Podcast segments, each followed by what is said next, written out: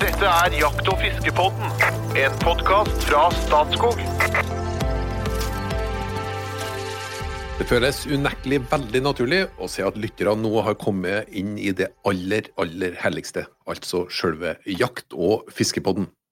Samtidig er det jo neppe noe du tilfeldigvis ramler innom som om det var et hvilket som helst radioprogram. Nei, jeg har gleden av å ønske velkommen til en symbiose av kunnskap og kjærlighet. En forbrødring mellom mennesker, en digital reise i velklingende lydbølger, stemmer som slynges ut i det store internettet og havner hos velmenende lyttere som har funnet frem til oss på Spotify og iTunes og Acast og Google Play, på nettsidene og helt sikkert andre plasser, for som kjent, alle veier fører jo til Rom, uansett hvilken vei du, kjære lytter, har tatt for å komme til vår trygge havn, så har jeg som sjølutnevnt programleder den store glede av å kunne ønske deg velkommen til den behagelige reisa som er anslått til å vare omkring 30–40 minutter, men som noen gang sprenger tidsskjemaet en smule, ikke av vond vilje selvfølgelig, men rett og slett fordi mine medsammensvorne podkastere har så mye kjærlighet til jakt og fiske at det ville ha vært en forbrytelse å stanse dem noe som minner meg på at det er på tide å introdusere fagsjefen i Statskog, Jo Inge Bresjeberget. Hallo, hallo. Og ikke minst informasjonssjefen i Norges Jegerfisk, Espen Farstad. Hei, hei. Som tenker at det kan jo tenkes at episodene blir litt lange fordi det er veldig langt innsnakk også? På en eh, Ikke, ikke avbryt. På en skala fra én til ti, hvor bra var denne introduksjonen? Du fortjener en nier for denne, Trond Gunnar. Jeg er enig. Det var ja. velforberedt og litt lyrisk, faktisk. Ja, ganske ja. lyrisk. Jeg er på nier. Jeg, er vi på nier? Ja, nå er vi på nier. Oh. Det er stigning i programmet. Jeg var fornøyd! Mm. Ja, ja, vi, vi, men vi må vel gå videre likevel? Ja, vi kan vel ikke gi oss med det. Nei. Vet dere hvilke dyr det ble skutt 30 253 stykker av i jaktåret ja. 2019-2020? Jeg mente det var 30 256, men det kan hende det var 53. Ja. Var nok det. Det kan være tre ikke har telt. Ja. Vi snakker om skogens konge, det er temaet i dag. Det er elgen. Mm. Og eh, det er klart, elg og elgjakt det har veldig, veldig stor betydning i Norge. Eh, og vi skal etter hvert ta oss og se litt fremover, for det skjer noe med elgstammen i Norge. Den beveger seg litt eh, geografisk, den utfordres av rovdyr, den utfordres kanskje av andre arter, sånn som, eh, sånn som hjort. Men hvor starta egentlig det hele? Vi snakker jo om at vi, vi, I Norge så har man et uh, særskilt ansvar for uh, villrein, men uh, var elgen her fra tidenes morgen også? Nei, han var ikke det, da. Um, elgen kom etter rein oppover. Rein ferdig ved iskanten. Litt av grunnlaget for at vi gjør hadde jegerfolket etter seg. Og de levde jo da typisk på rein og eh, fisk, sjø, sjøfisk og, og, sel og fugl. Mens elgen kom noe etterpå, med mildere, litt mildere klima enn akkurat da isen gikk. Eh, den regnes jo for å være en eh, forholdsvis ung art. Og forløperen er type Og det er ung art, i den forstand at det er to, to og en halv millioner år siden, Seks cirka, det oppsto. Ja, ja. Alt er relativt. ja, ikke sant. eh, og den vår art nå har eh, knytning, eller ganske nært beslektet med noe som heter hjorteelg, som utdøde da rett før siste istida, eh, til ca. 11 500 år siden. Og så er den eh, sånn er nært beslektet med den, da. Men den kom inn etter, eh, etter isen, ja. Og han er, eh, har slik det vi kaller sirkumpolar utbredelse, altså at han er rundt hele, hele kloden. Og er i all hovedsak bøtt til barskogområder, altså barskogbeltet, som da går rundt hele kloden. Både i Europa og Eurasia, altså deler til Asia, og Nord-Amerika. Da vil du finne elgen. Og den største er da i Alaska. Så det er jo bare Kamtsjatka, som ikke har elg. Så er det Det går liksom en del ved Jeniseielva og Kamtsjatka. Ellers er den i prinsippet rundt hele kloden. Og det kan være noen barrierer som har gjort at den ikke er der, da. Hvor langt, hvor langt syd går den? Det er kanskje mer interessant enn hvor langt han går i øst og vest? Da, nær sagt. Nei, Vi veit jo at det har vært elg i, i Tyskland, f.eks., og Polen. Eh, der er de da i tysk Jeg vet, husker ikke om det var i Polen eller Tyskland som ble siste siste eksemplarer skutt ved siste krig. Eh, altså, så det, det er ikke like fryktelig lenge som har vært borte. Og nå kommer de inn igjen fra øst. De har dem i Baltikum. Her er det elg og jakter på elg. Ikke veldig mye, men har litt elg, så de kommer jo inn den veien igjen. Men eh, det er jo da typisk at skoger er nedbygd, og eh, befolkningsvekst og, og kriger, ikke minst, og sult har gjort at de er utdødd. For det er, jo, det er, jo, mye mat på dem, og det går an å jakte på dem. Vi har jo prøvd å etterstrebe dem så godt vi kan i veldig, veldig mange år. Ja, grunnen til at jeg spør om det, skjønner du, Inge, altså når du, begynner å fortelle om dette, det er litt fordi at eh, vi snakker jo veldig ofte om arters nordlige utbredelsesgrense. Ikke sant? Det har vi mm. snakka om mange ganger. Så Hoggormen kommer seg ikke over Saltfjellet osv. Grana til grana og alt mulig sånt. Mm. Men, men, kan det være omvendt? Kan det være sånn at altså, Elgen er jo liksom et nordlig levende dyr, eh, og at den ikke beveger seg så langt sydover, også av klimatiske hensyn. Og når vi da vet at vi har klimaendringer som skaper et varmere og våtere klima, eh, vil det påvirke eh, elgbestanden i de sydlige områdene først, og, og fortrenge den lenger nord? Vi ser jo faktisk tendenser til det i Norge. ikke sant? Mindre mm. elg på Sørlandet, mer elg i Nordland. Mm. Jeg er jo ikke noen ekspert på det, da, med klima og elg, men, men, men, du har helt sikkert et poeng der, for den er jo klimabetinget. Altså, eh, det, er jo grunner Én ting er eh, befolkningsvekst og hvordan vi utnytter arealet så lenge syd, men han er jo først og fremst en kvisteter å knytte til barskogbeltet, og det, det, er jo det han er tilpasset. Og det, det barskogbeltet går jo over i lauvskoger og stepper når du kommer lenger syd.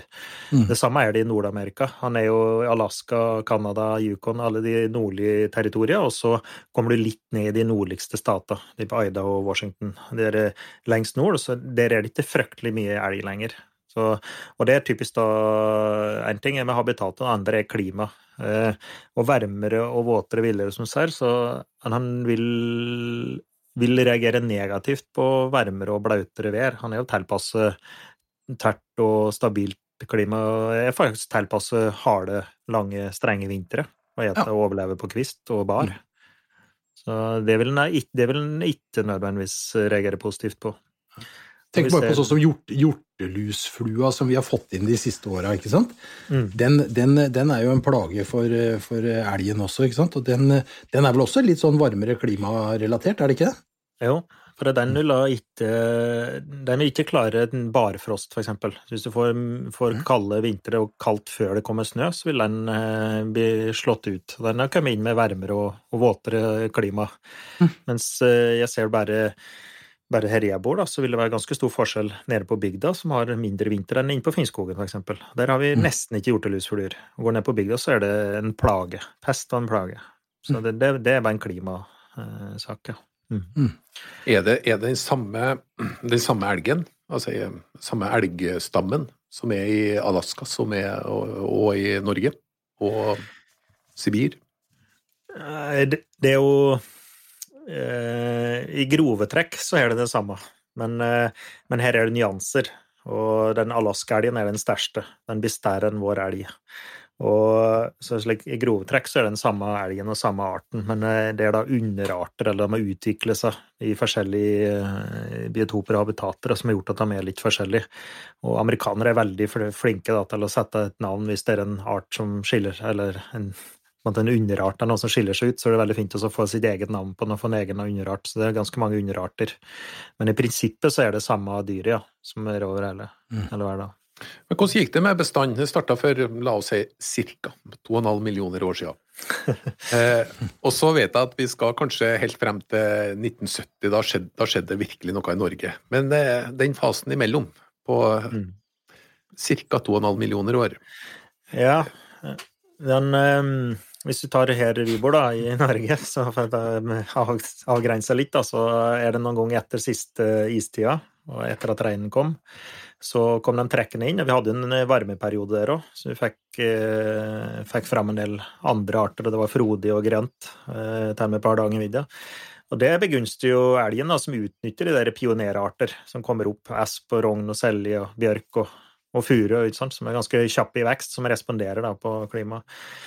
Eh, og så var jo jaktretten eh, For vi er jo ganske flinke til å utnytte eh, det å høste vilt. Vi var jo først og fremst et jegerfolk som levde av det naturen ga. Og det er klart, en elg ga veldig mye mat. Og jegere har vi vært i tre millioner år cirka, så vi var jo ganske gode på å utnytte det her. Mens jaktretten etter hvert havner over på de kongelige og adelen. At det var, det var ikke for allmuen å ha jaktrett. Vi bestreber den her med alle midler. Og til sjuende og sist så endte opp med at jaktretten var hos noen få. Eh, da hadde vi nesten klart å utrydde den. Og jeg lest beretninger eh, i avisa på midt på 1800-tallet. Det var skrevet om å observerte elefant i Kongsberg. Og det var da en elg da, som hadde forvillet seg inn, eh, inn, til byen. Og folk ikke visste der det var, og skrev i avisa at det var en, trodde det var en rømt sirkuselefant. Eh, og det, ganske Det var en sensasjon som nærmest sto i avisa da, på slutten på 1800-tallet, når det var observert elg. Og da hadde vi drevet med skjælskudd, og vi hadde drevet med dyregraver og mm. roper og eh, ledegjerder og eh, snarefangst og vinterjakt. Det var populært, ikke sant. Du klarte å berge familien din hvis du klarte å være god til å renne på ski og, og ta en elg og ta livet av den på snøen når den sakk igjennom. Sant? Vi hadde gjort, prøvd etter alle våre alle, alle midler. Og Magnus Lagabøter på landslov fra 1274 nevner det her med dyregraver og, og dyregjerder. Så allerede da var vi ganske flinke på å utnytte og prøve å ta livet av dem. Og, så mm. godt vi kunne. Og da, da var det jo typisk eh, størst elg og mest mat. Så det, det, var ikke nødvendigvis noe rett avskyting. Det var, det var ikke et veldig velregissert forvaltningsopplegg? Nei. Det var om du skulle overleve eller ikke. Ja. Nei, det har jeg ofte forundra meg, det at uh, vi i tidligere tider har uh, utrydda eller vært i ferd med å utrydde arter, sjøl om uh, fangstmetodene og jaktmetodene var veldig mye mindre effektive, kan du si. Og det som har tatt over, er jo en helt annen regulering. Mm. Jeg, tar, tar, jeg kan ta et bra eksempel. Jeg har sett bilde av kong Haakon og Fridtjof Nansen. Nansen var jeger og omgikkes Haakon. Eh, som òg hadde noen venner med store eiendommer. Eh, og jeg har sett bilder fra 1926 på Rød eh, gård, de var i jakt til hæra. Da hadde de 23 hærer som de stilte opp med. Nansen har to hengende på pipa på hagla si til med, har hatt en bra jakt der. Og det var ikke helt tilfeldig at de jakta hæra, altså. For det, det var ikke villsvin, det hadde vi utryddet. Det var ikke rådyr, i prinsippet. Ikke rådyr, ikke hjort, ikke elg. Det var, det var småvilt. Det var hæra, og og skogsfugl og rein på fjellet var det fortsatt, da. Men mm. Eh, de, de, hadde jo ikke noe hjortevilt å jakte på, og det er ikke lenger siden. Det var fra 26. Nei, jeg skjønner jo at det var en attraktiv ressurs. Eh, jeg kikka så vidt på det at vi, vi snakker om sånne pjokker når de kommer ut på en 10-15 kilo.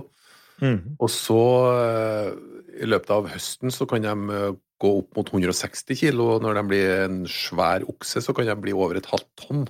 Jeg, jeg skjønner jo at det er jo enorme mengder kjøtt vi snakker om.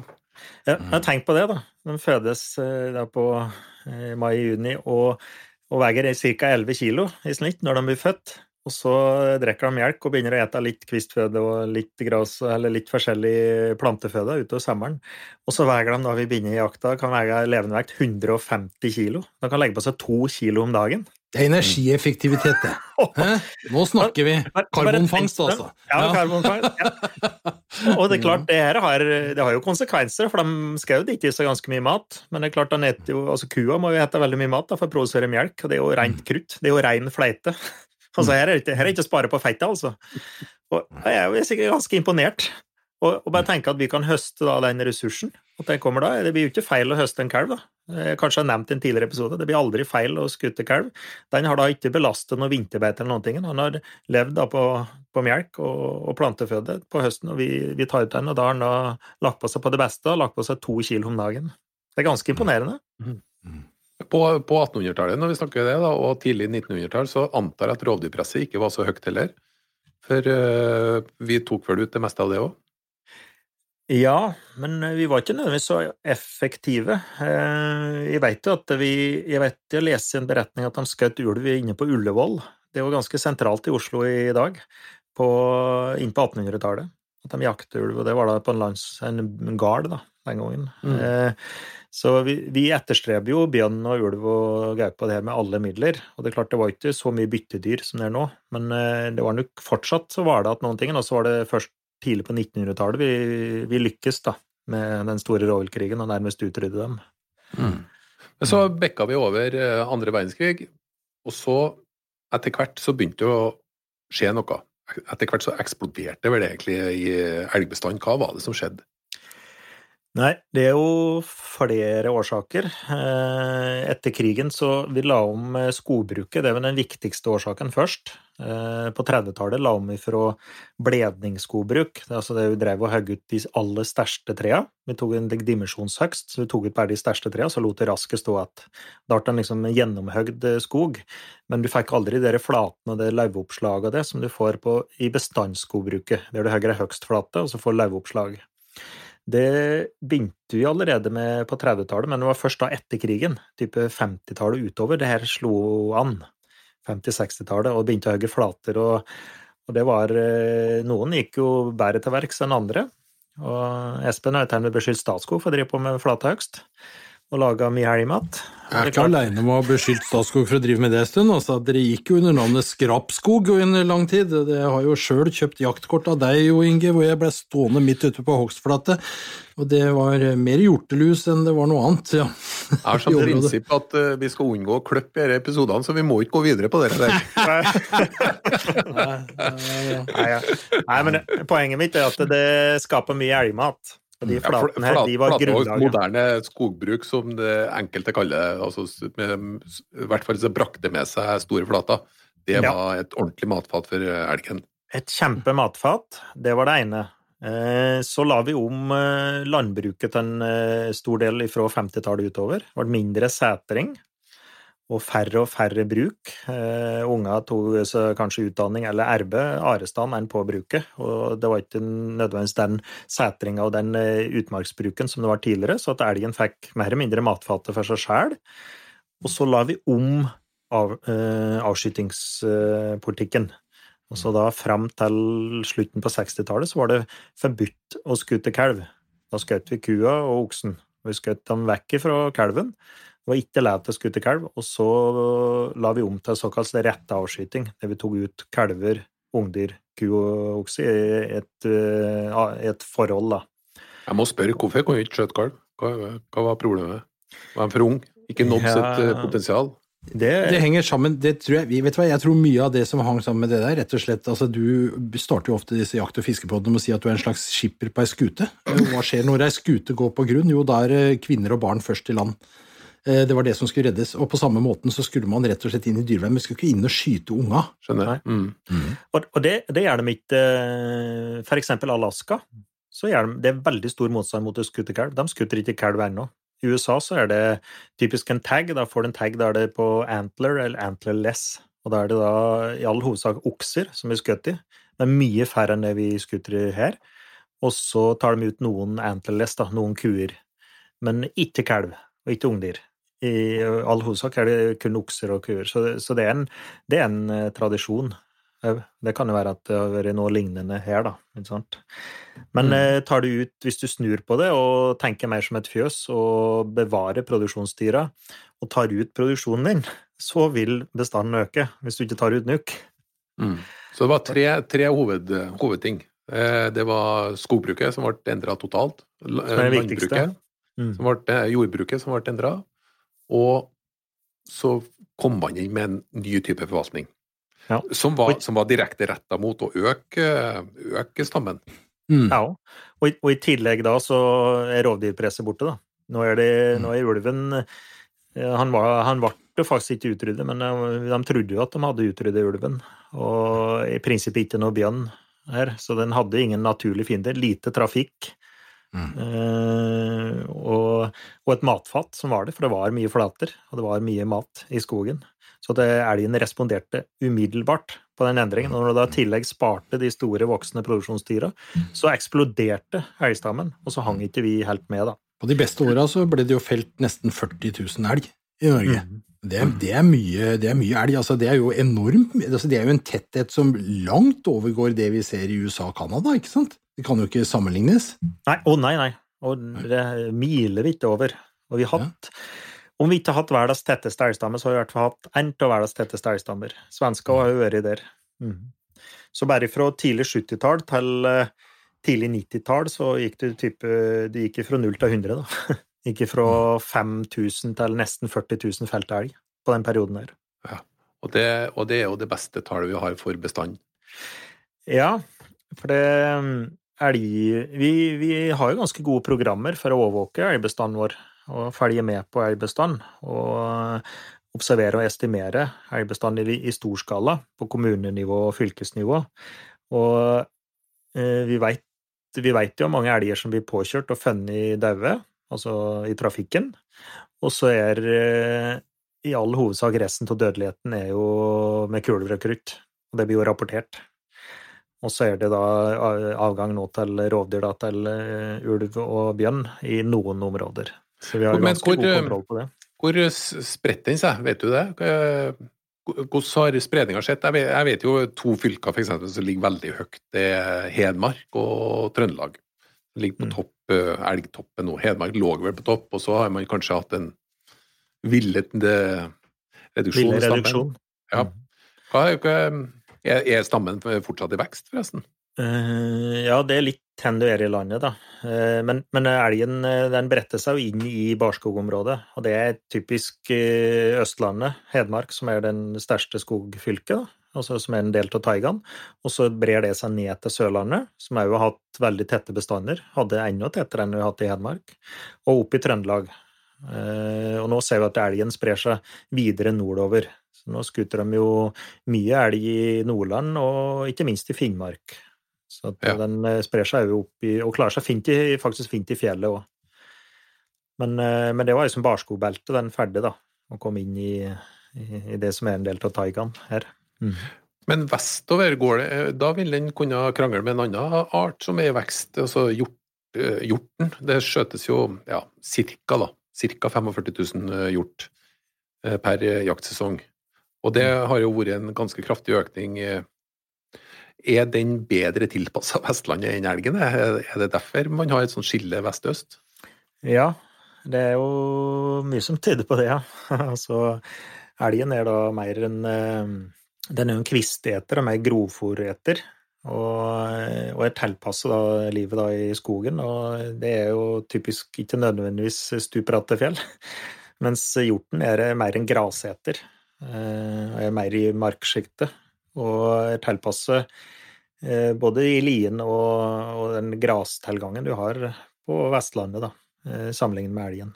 Men den brer seg over fjellet, så hjorten klarer seg jo fint i skogområdet òg. Den brer seg over på Østlandet og, og Sørlandet.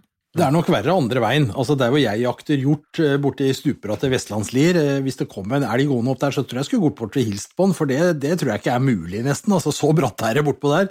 Eh, Så hjorten klarer seg både på flatland og i Brattlia. Det er nok verre for elgen å klare seg, komme seg over fjellet. ikke sant? Det skal jo over noen barrierer òg, da. Skal han til Sogn og Fjordane, så må han liksom gjennom Jotunheimen sånn i bunn og grunn, ikke sant? Og våre høyeste fjelltopper og ned i de bratteste line. Det er ikke lagd for elgen, det. Nei, og Samtidig så klarer de seg ganske bra i høgfjellet, men, men ikke de der stupbratte vestlandsliene er ikke elgen tilpasset til.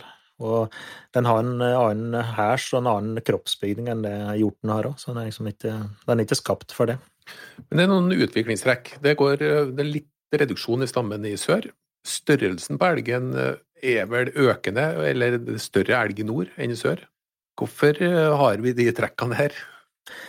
Nei, det, det er jo en diskusjon i seg sjøl. og du spurte om det med stammen nå, for det, stammen økte jo veldig mye i mange områder. Økte på Sørlandet, økte den helt grassat mye, og det var ikke bærekraftig. Og vi beite ned beitom, og ble slittebeiter, og tar veldig lang tid å få tilbake de gode kvalitetsplantene. Samtidig så skjøt vi ned stammen, og avler kanskje på altså litt mindre verdige dyr enn det var tidligere. Og, og vi ser synkende vekter. Samtidig så er det en regel i økologien da, at dyret dyra er tyngre mot nord. På dette Bergmanns regel. Uh, så generelt så er dyra tyngre jo lenger nord du kommer. Og det ser vi litt i Norge òg. Men jeg har diskutert med en amerikaner, en av verdens fremste hjorteviltforskere, og han mener at uh, det er der barskobeltet, taigaen, så vil en òg klare å huse de tyngste elga. Men for mine elger på Finnskogen, hvis de blir gamle nok, så er de like tunge som de er i Nordland eller Troms. Eller Finnmark, for den del. Men det er bare at vi skuter oksen for eksempel for tidlig, så ikke oksen rekker å bli så tung. så har den tilgang Hvis du ikke har over, øh, overbeite, da, så at du har tilgang på kvalitetsbeite i skogen, så skal den eh, teoretisk kunne bli like stor der. Men eh, de elgene som vi har i fjellbanene, de har typisk kan felge vekstsesongen oppover ettersom snøsmeltinga går. Så felger de vekstsesongen da oppover i fjellet. Du får da nye vekster hele tida. Og da vil du da kunne få på deg mer kilo. Samme med elg som går i åkeren etter grønn havre eller, eh, eller kål eller hva det måtte være, så vil jeg jo kunne få på mer vekt, da. Men da blir det mer kunstig høye vekter. Mm. Det er et ganske bra kondisjonstegn. Hvis, hvis, vekten går ned, så er det tegn på at du har eh, drevet det for langt. Da er, eh, da er varsellampen blinker lenge før vekten går ned. Men eh, vil du si at eh, varsellampene blinker for den eh, norske stammen nå? Hvor, hvor, hvor skal vi hen? Hvor mye elg skal vi ha i Norge? Det er et veldig bra spørsmål. Det er jo forvaltningen. Vi har pratet om det at jakta er grunneier, den tilhører grunneieren. Og elgforvaltning er i all hovedsak grunneierbasert. Så at Eh, grunneiere, skogeiere, slår seg sammen i lag. Hvis de ikke har store nok eiendommer, så slår de seg sammen i et forvaltningslag og lager et forslag til en bestandsplan som da blir godkjent eller ikke i kommunen. Hvis den blir godkjent, så er det i prinsippet da grunneieren da, som, som, bestemmer, men kommunen har på en måte et siste ord. da. Og Er du uenig med kommunen, så kan du klage til fylket. da. Eh, og det er grunneierbasert, og grunneiere har en tendens, når jeg møter dem i møter, i hvert fall, så har de ofte på seg jegerhatten når du diskuterer elgjakt. Når du er på skogdager, så har de på seg skogeierhatten. og jegere har en tendens til å ville ha mer elg enn eh, rene skogeiere. Men eh, når skogeiere da selv møter på møter, så vil de fortsatt ha mye elg. så, og, og henvis skær med den eh, elgstammen vår, det, jeg syns det er altfor få som stiller spørsmålstegn ved det. For nå i dag så er det i prinsippet hver enkelt kommune som lager sin målsetting. Og så er det òg på fylkesnivå er det òg eh, sagt noen ting. Men det er lite diskusjon på hvor vi skal og hvor mye elg vi har, om vi har for mye elg, om det er en sunn kondisjon og riktig kjønnsbalanse og det. Jeg synes det er forholdsvis lite diskusjoner om det, altså. Vi kunne hatt den mye lenger. Dratt det mye lenger enn det vi er i dag. Er Jeger og Fisk noe aktiv på, den, på det, si, det nasjonale forvaltningsnivået sånn sett? Ja, men det er jo, som Jo Inge sier, det er jo ikke noe, det noe sånn eh, enhetlig nasjonal forvaltningsplan for elgforvaltninga i Norge. Det er ikke det. Altså, Jeger og Fisk er til stede. Altså, Vi representerer jegerne. Eh, viltforvaltninga i Norge den står på tre Det er et trepartssamarbeid, som vi ofte pleier å si. Det er grunneierne som, er, som forvalter på en måte retten til jakta og, og forvalter skogen hvor, hvor viltet fins. Og så er det for, forvaltningen og, og, politikken som på en måte legger rammene for dette. Altså jakttidsrammer og, og en del sånne ting. og det det kan jo være andre hensyn enn bare skogeierens lyst til å ha mye elg i skauen, eller lite elg i skauen. Det er jo trafikkutfordringer, det er mye annet med elgen som, som, samfunnet må mene noe om. Da kommer liksom forvaltninga. Og så er det da brukerne og jegerne, for jakta er jo det virkemidlet vi bruker for å forvalte elgstammen. Så de tre partene er sånn, alle er jo dypt inne i dette. her sånn, Men jeg kan egentlig være litt enig med Inga at det virker som om debatten går mer på lokalt. Den går mer rundt bålet enn rundt møtebordet. Den går, det, det, er mer eh, lokalt drevet. Ellers syns jeg det var artig å høre det du sier, at når du treffer eh, grunneiere, så når du treffer dem i jegersammenheng, så vil de gjerne ha mer elg. Og når du treffer dem i skogbrukssammenheng, hvor de skal ta vare på skogen, så vil de allikevel ha mer elg. Det forteller jo meg at jakt er meningen med livet. Det er det viktigste. Ja, så da er vi der igjen. Ja. Det er veldig fascinerende, det. Mm. Og, det, og, det, er klart, det som Espen sier, eh, samfunnet vil jo, vil jo mene noe om antall påkjørsler. En påkjørsel er eh, en påkjøring både for den som er involvert i det, og det kan få store konsekvenser. Det kan jo faktisk i verste fall få dødelig utfall. Ikke bare for elgen, men for eh, folk. Det er jo et mm. stort, massivt dyr du møter. store dyretragedier. Og så har vi Elgen påvirker jo landskapet han går i. Det er jo ikke slik at uh, det som er egentlig som ei stor ku som går rundt og beiter hele året. Og den påvirker landskapet voldsomt. og Det er områder den, eh, den er god på å trekke. I en del områder så trekker den jo altså migrerer mellom sesonger og trekker ned til områder der det er mindre snø, f.eks. Og mindre snø i mine trakter vil si at det er mer furu. Og det kan være områder der skogeier ikke får opp furu i det hele tatt, for det er så mye elg der som står der og eter furu om vinteren. Og så trekker de tilbake til sine leveområder, og når det kommer i høstjakta, så har ikke de grunneiere den elgen der. De, de har hele ulempen med å ha den om vinteren og stå og fòre på den der, men de har den ikke om høsten i jakta og kan få både glede og inntekt og, og kjøtt av den, ikke sant. Og det er en evigvarende konflikt. Mm. Og, det, og det, det, å finne den rette balansen. Eh, det er gjort forsøk eh, der du har gjerdet inn områder, og så bare se få se de der bildene når du gjerder inn områder, og så se elgen beiter ned på utsiden av gjerdet, og ikke Mm. innenfor, da. Og se løveoppslag, og se rogn, for eksempel. Du skal jammen være god for å finne en rogn som er over beitehøgde på Finnskogen, for eksempel. Det, det skjer jo ikke. Da må det være et tuntre eller et eller annet. Og da, bare gjerde inn og så se hvor mye elgen faktisk påvirker eh, landskapet han går i. Det, og det er noen som må mene noen ting om det, da. Hvordan er det med sykdomspress, da? Er, det, er vi på et Jeg regner med vi øker risikoen. Jo høyere stammen er, jo høyere risiko vil det være. Ja, ja, det er det jo. Eh, det er jo vanlig, en vanlig konsekvens. Men, men viltet vårt i Norge er generelt er veldig sunt.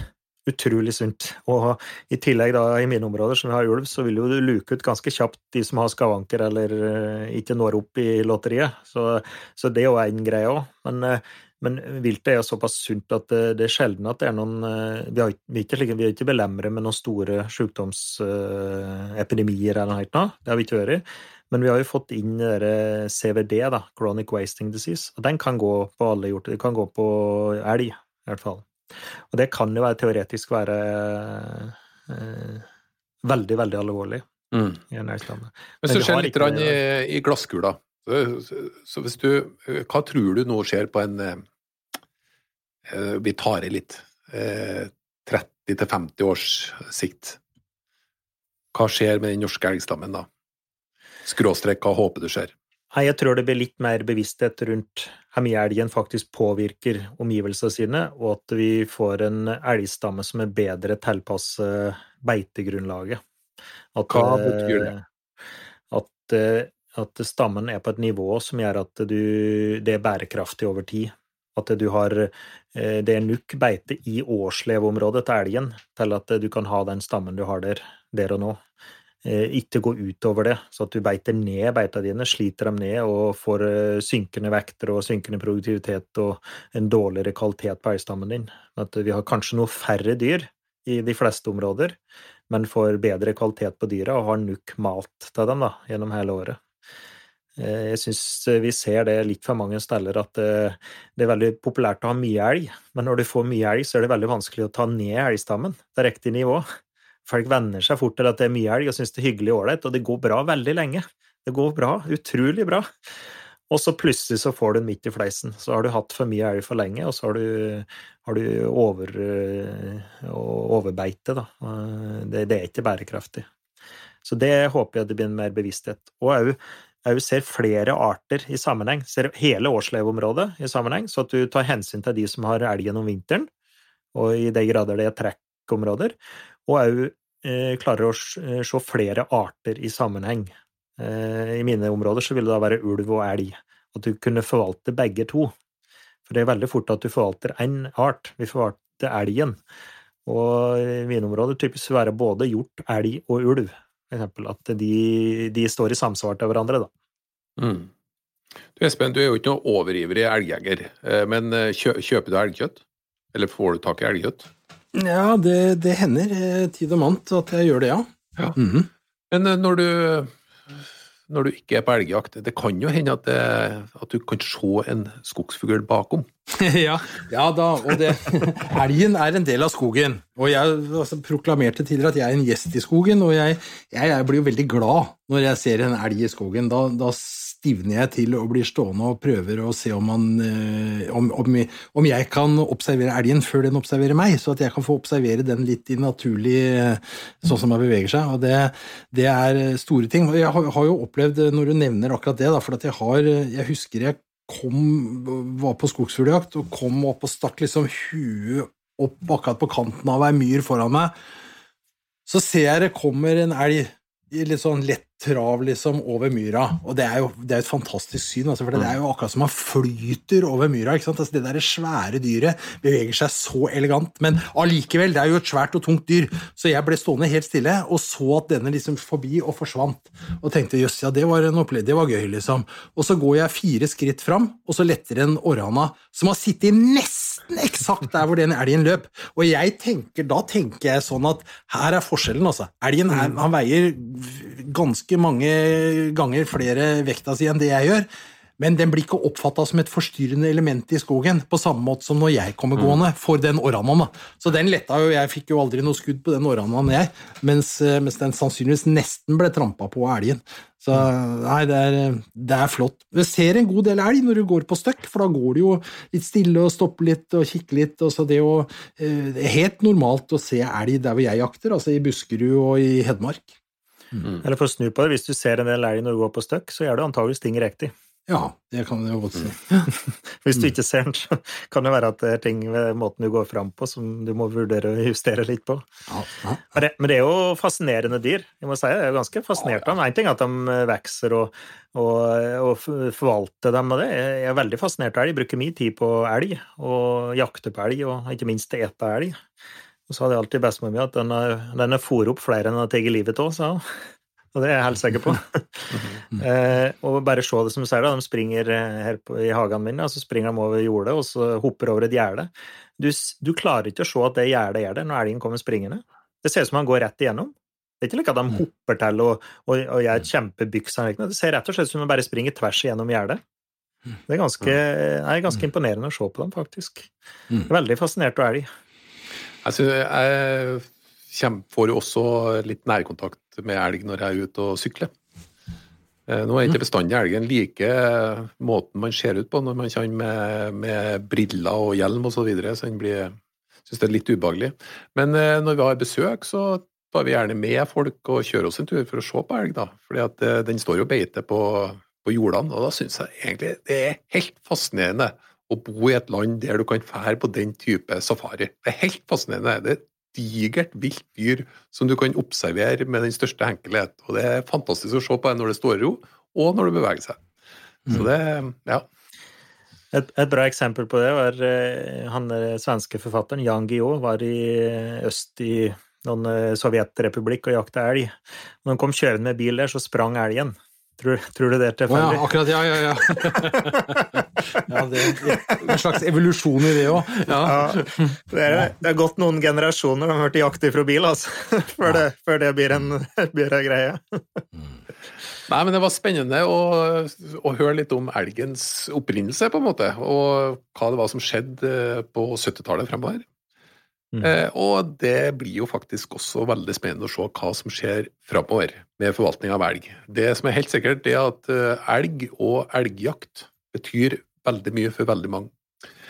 Takk for følget. Bli gjerne med oss på Facebook og Instagram, og send eh, gjerne melding til oss på Messenger eller e-post jakt- og fiskebåten statskog.no. Abonner gjerne på podkasten, og kom gjerne med en anmeldelse. Det er sånn at vi tåler kritikk og blir helt mo i knærne av skryt. Selvfølgelig, helt til slutt, skal vi ha en liten hot or not. Dere skal svare umiddelbart når jeg sier det. Så jeg sier det, og så sier jeg hot or not. Jeg må minne dere på reglene her. Ja, det er bra, Er dere det. klar? Ja. Harejakt, hot or not. Hot. Hot. Fiske med oter, hot or not. Hot. Not. Ja, det Ok, Namsos-musiker Askild Holm fra Halleluja-kameratene, hot or not? Uh, not.